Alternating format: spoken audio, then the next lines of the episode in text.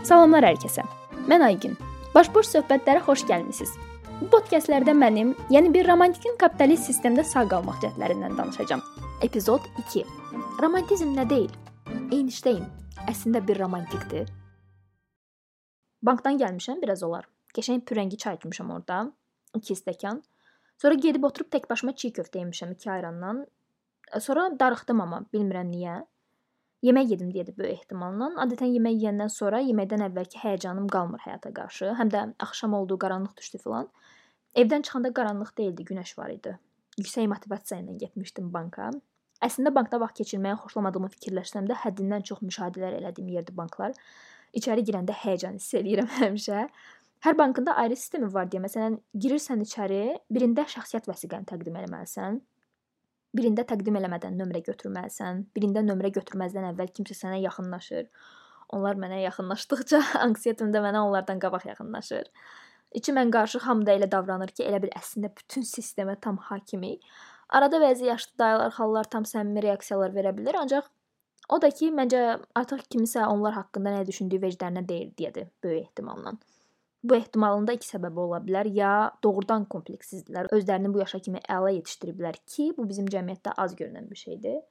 Ya da insanlardan ümidlərini kəsiblər. Nəysə, bayaq banka yaxınlaşanda da içəridə işçilərdən başqa 1-2 müştəri var idi. Keçdim nömrə götürdüm. Nömrəm ekranda çıxdı. Oradakı işçi xanıma yaxınlaşdım, amma yanlış nömrə götürmüşəm. Əla, yenə yaxınlaşır kiçik anksiyete. Anksiyetenin nə olduğunu bilməyən varsa, mən yaşadığım və anladığım qədərilə yersiz qayğılanmaq deyərdim. Yəni beynimizdə qurduğumuz, əslində olub-olmadığını bilmədiyimiz bir şeyə görə həyəcan keçirmək. Məsələn, dərsi öyrənmisiniz, amma elə də yaxşı öyrənməmisiniz. Müəllimin sizi dərsə qaldırmaq fikri sizdə xırda ürək döyüntüləri, beyninizdə yersiz ssenarilər yaradırsa, məni çıxaracaq, biabır olacam, onsuz yaxşı öyrənməmişəm, kəkələyəcəm filan düşüncələri gəlirsə, bir növ anksiyetədir bu. Anxiety deyirlər ingiliscəsində. Türkcə anksiyetə də Azərbaycanca ə, qayğı deyirlər, amma anksiyetə də keçir baxdım bir-iki yerə. Ə, bankda da səhv nömrəni götürmüşəm deyə yenə mənə kiçik anksiyetə gəldi. Axır vaxtlar çalışıram belə vəziyyətlərdə özümlə danışım. Ola bilər ay gün səhv eləyə bilərsən. Sən hər gün buralara gəlmirsən. Narahat olma, yox hələ boomer olmamısan. Bu sistemi bilmirsən sadəcə.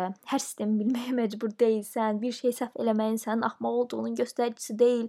Böyük ehtimalla axmaq deyilsən. Əsas odur canın sağlamdır filana qədər gedir çıxır söhbət beynimdə.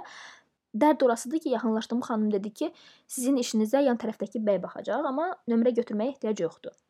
Yan tərəfdəki bəyin də müştərisi durdu getdi. İndi mən yaxınlaşmalıyam, yoxsa gözləməliyəm özü çağırsın? Özü çağırmağı üçün ümumiyyətlə məndən xəbəri olmalıdır. Xanım işçi əslində ona xəbərdarlıq eləmişdi, amma bilmədim eşitdi ya yox. Baxıb gülümsəməyə çalışdım ki, məni görsün.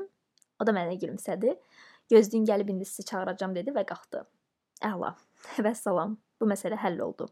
Bu danışdıqlarım maksimum 1-2 dəqiqə içərisində baş verib əslində, amma həmin an yenə də özümə kənardan baxanda çox güclü, hər şeyi özü eləyən bir insanmışam kimi görünsəm də, Mənim beynimdə bu qədər qarmaqarışıq proseslər gedirsə, kim bilir başqa insanlar nələr düşünür deyirəm. Bilmirəm, bunları məncə tək mən yaşamıram. Ya da bunu deyib özümü təsəlli eləyirəm, elə təkcə mən yaşayıram. Yəni bunu mənə yazarsınız. Arada maraqlı hekayələriniz olsa bu arada yazın mənə. Bəlkə bir gün sizin hekayələrinizi danışarıq burada, əgər istəsəz. Öz hekayənizi yazsaz mütləq mənə deyin ki, paylaşmamı istəyirsiniz ya yox. İstəyirsinizsə bu anonim olsun ya yox. Anonimlik çox vacibdir çünki. Sizə bayaqdan özüm haqqımda danışdıqlarımı utandığım üçün heç anonim də olsa danışmamışam heç yerdə heç kəsə. Sadəcə insan yaş aldıqca yaşadıkları ona bəzi şeylərdən utanmamağı öyrədir. Bir tanışımla söhbət eləyirdim bu yaxınlarda. Qəşəng bir söz dedi. Ona da anası deyib deyir: "İnsan utanmalı şeydən utanar." Çox qəşəng cümlə deyil. Bəsit amma təsirli cümlələrə xüsusi simpatiyam var. Bunu danışan insan çox açıq enerjili insandır. Yəni ünsiyyətçildir. Hər insanla hər cür dil tapa bilir. Yaşca məndən balacadır, amma ünsiyyət barədə məndən daha yaxşıdır o adam. Yəni ən azından mənə elə gəlir. Onun da anasının dediyi o cümlə bəlkə belə olmağına səbəb olub, bilmirəm. Ümumiyyətlə cümlələr çox əhəmilidir. Elə bilirik ki, deyilir və gedir. Ona görə istədiyimiz kimi cümlə sərf eləyə bilərik, amma özünüz bilirsiniz, mən romantik insanam. Əsl romantiklər bilir ki, həyatda hər şeyin bir enerjisi var. Hələ sözlərin, cümlələrin. Einstein də bir romantik sayıla bilər bu mənada. Yo, təbii ki, o insanın fizik olduğunu bilirəm, amma Bu yaxınlarda bir Instagram postu çıxdı qarşıma. Deyilənə görə Einstein deyib ki, hər şey bir enerjidir və hər şey yalnızca bundan ibarətdir. sahib olmağı istədiyiniz şeyin frekansına uyğunlaşdığınız anda eləyəcəyiniz başqa heç nə yoxdur. O gerçəklik artıq sizə aid olur. Bunun adı fəlsəfə deyil, bu fizikadır. Fikir burada bitir. Bu dediklərinin riyazi isbatı barədə heç bir məlumatım yoxdur. Olsun çox istəyərdim. Amma Einsteynin buna bənzər teoremlərinin isbatlarından xəbərim var. Heç nə olmasa da 4 il riyaziyyat üzrə ali təhsil alanda teoremlər və isbatları çox diqqətimi çəkib. Riyaziyyatı bu barədə çox sevirəm, çünki ən dəqiq olmayan şeyləri də dəqiqləşdirə bilir. Və məncə bunu eləmək üçün bir yola çıxmaq, dəqiq olmayan bir şeyi dəqiqləşdirmək üçün yola çıxmaq özü çox romantik hərəkətdir. Bu mənada dəqiq elmlərlə məşğul olan insanlar əslində məncə əsl romantiklərdir. Təsəvvür eləyin də, Einstein romantik olmasa niyə enerjinin frekansların qanuna uyğunluqlarını isbat etməyə çalışsın ki, deyərdi ki, yox hər şey boş şeylərdir, bu nə fikirlərdir gəlir ağlıma. O ağlına gələn çılğın, əslində çoxlarına görə məntiqsiz fikirləri isbat etmək üçün yola çıxmağı çox idealist, xəyalpərəst, romantik hərəkət deyil. Biraz da irəli getsəm, əslində bu dünyanı romantik insanların xilas elədiyini filan da deyə bilərəm. Amma elə böyük cümlələrin yükünü almaq istəmirəm üstümə. Mən sadəcə Einsteynin romantik olduğuna dair teorem isbat etməyə çalışırdım sizə. Çünki baxmayaraq ki, romantizmin ağıldan çox duyğuya xitab elədiyi deyilir. Mən 21-ci əsrdə ağılla duyğunun bu qədər kəskin ayrılmağı tərəfdarı deyiləm. Adətən romantik olduğumu deyəndə insanlar düşünür ki, mən duyğularımla hərəkət eləyirəm. Duyğular mənim üçün ağıldan öncə gəlir, amma elə deyil. İnsanın içində olan iki şeyin bir-birindən tamamilə ayrı işləməyi məntiqli gəlmir mənə. Yəni duyğu olan yerdə ağıl da ola bilər. Sadəcə 3-5 il öncəyə qədər izlədiyimiz filmlərdə, seriallarda obrazlar o qədər kəskindir ki, İnsanların əksəriyyəti də həyatı oradan öyrənir deyə elə bilirik ki, biz də o qədər kəskin ayrılmalıyıq. Ya emosional və ağılsız, ya da ağıllı və duyğusuz olmalıyıq. Özümün pis yoxsa yaxşı insan olduğumu araşdıranda anlamışam ki, beynimdə, ürəyimdə baş verən proseslər o qədər bəsit deyil. Mən duyğularına önəm verib ağlı ilə qərarlar alan romantik insanam. Artıq insanların özünü kəskin qəlblərə salmağının da modasının keçdiyini düşünürəm.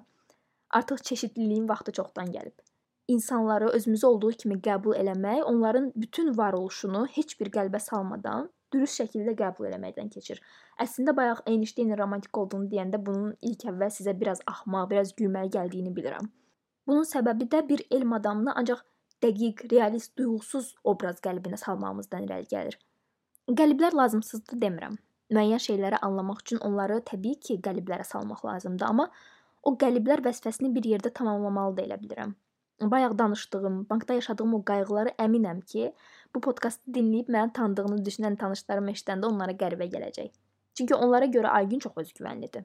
Instagramda hazırladığım videoları görməsəydilər, hətta əminəm ki, məni heç emosional olmayan, çox məntiqli adlandıranlar da olacaqdı. Sonra Einstein. Oh, Einstein elm adamıdır. Ciddiyyət, realizm, heç duyğusu olmayan, ağıllı, məntiqli insan deyil əslində. İnsanlar fərqlidir, rənglidir. Əslində elə ən çox buna görə bu podkastları hazırlayıram deyəsən. Fərqlilikləri danışmaq üçün. Bildiyim normalları bilmədiyim normallara dəyişmək üçün. Həm cəsur, həm də qorxaq ola bildiyimi, Einsteinin də bir romantik ola biləcəyini, romantiklərin ancaq duyğuları ilə hərəkət eləmədiyini normallaşdırmaq üçün. Normallaşdıqca, danışıla bildikcə bu və başqa qəliz, bəlkə də bəsit mövzular daha rahat hiss elədiyim üçün. Yəni, açıq desəm, Bu başıboş söhbətlərin məndə bəzi boşluqları doldurduğuna inandığım üçün.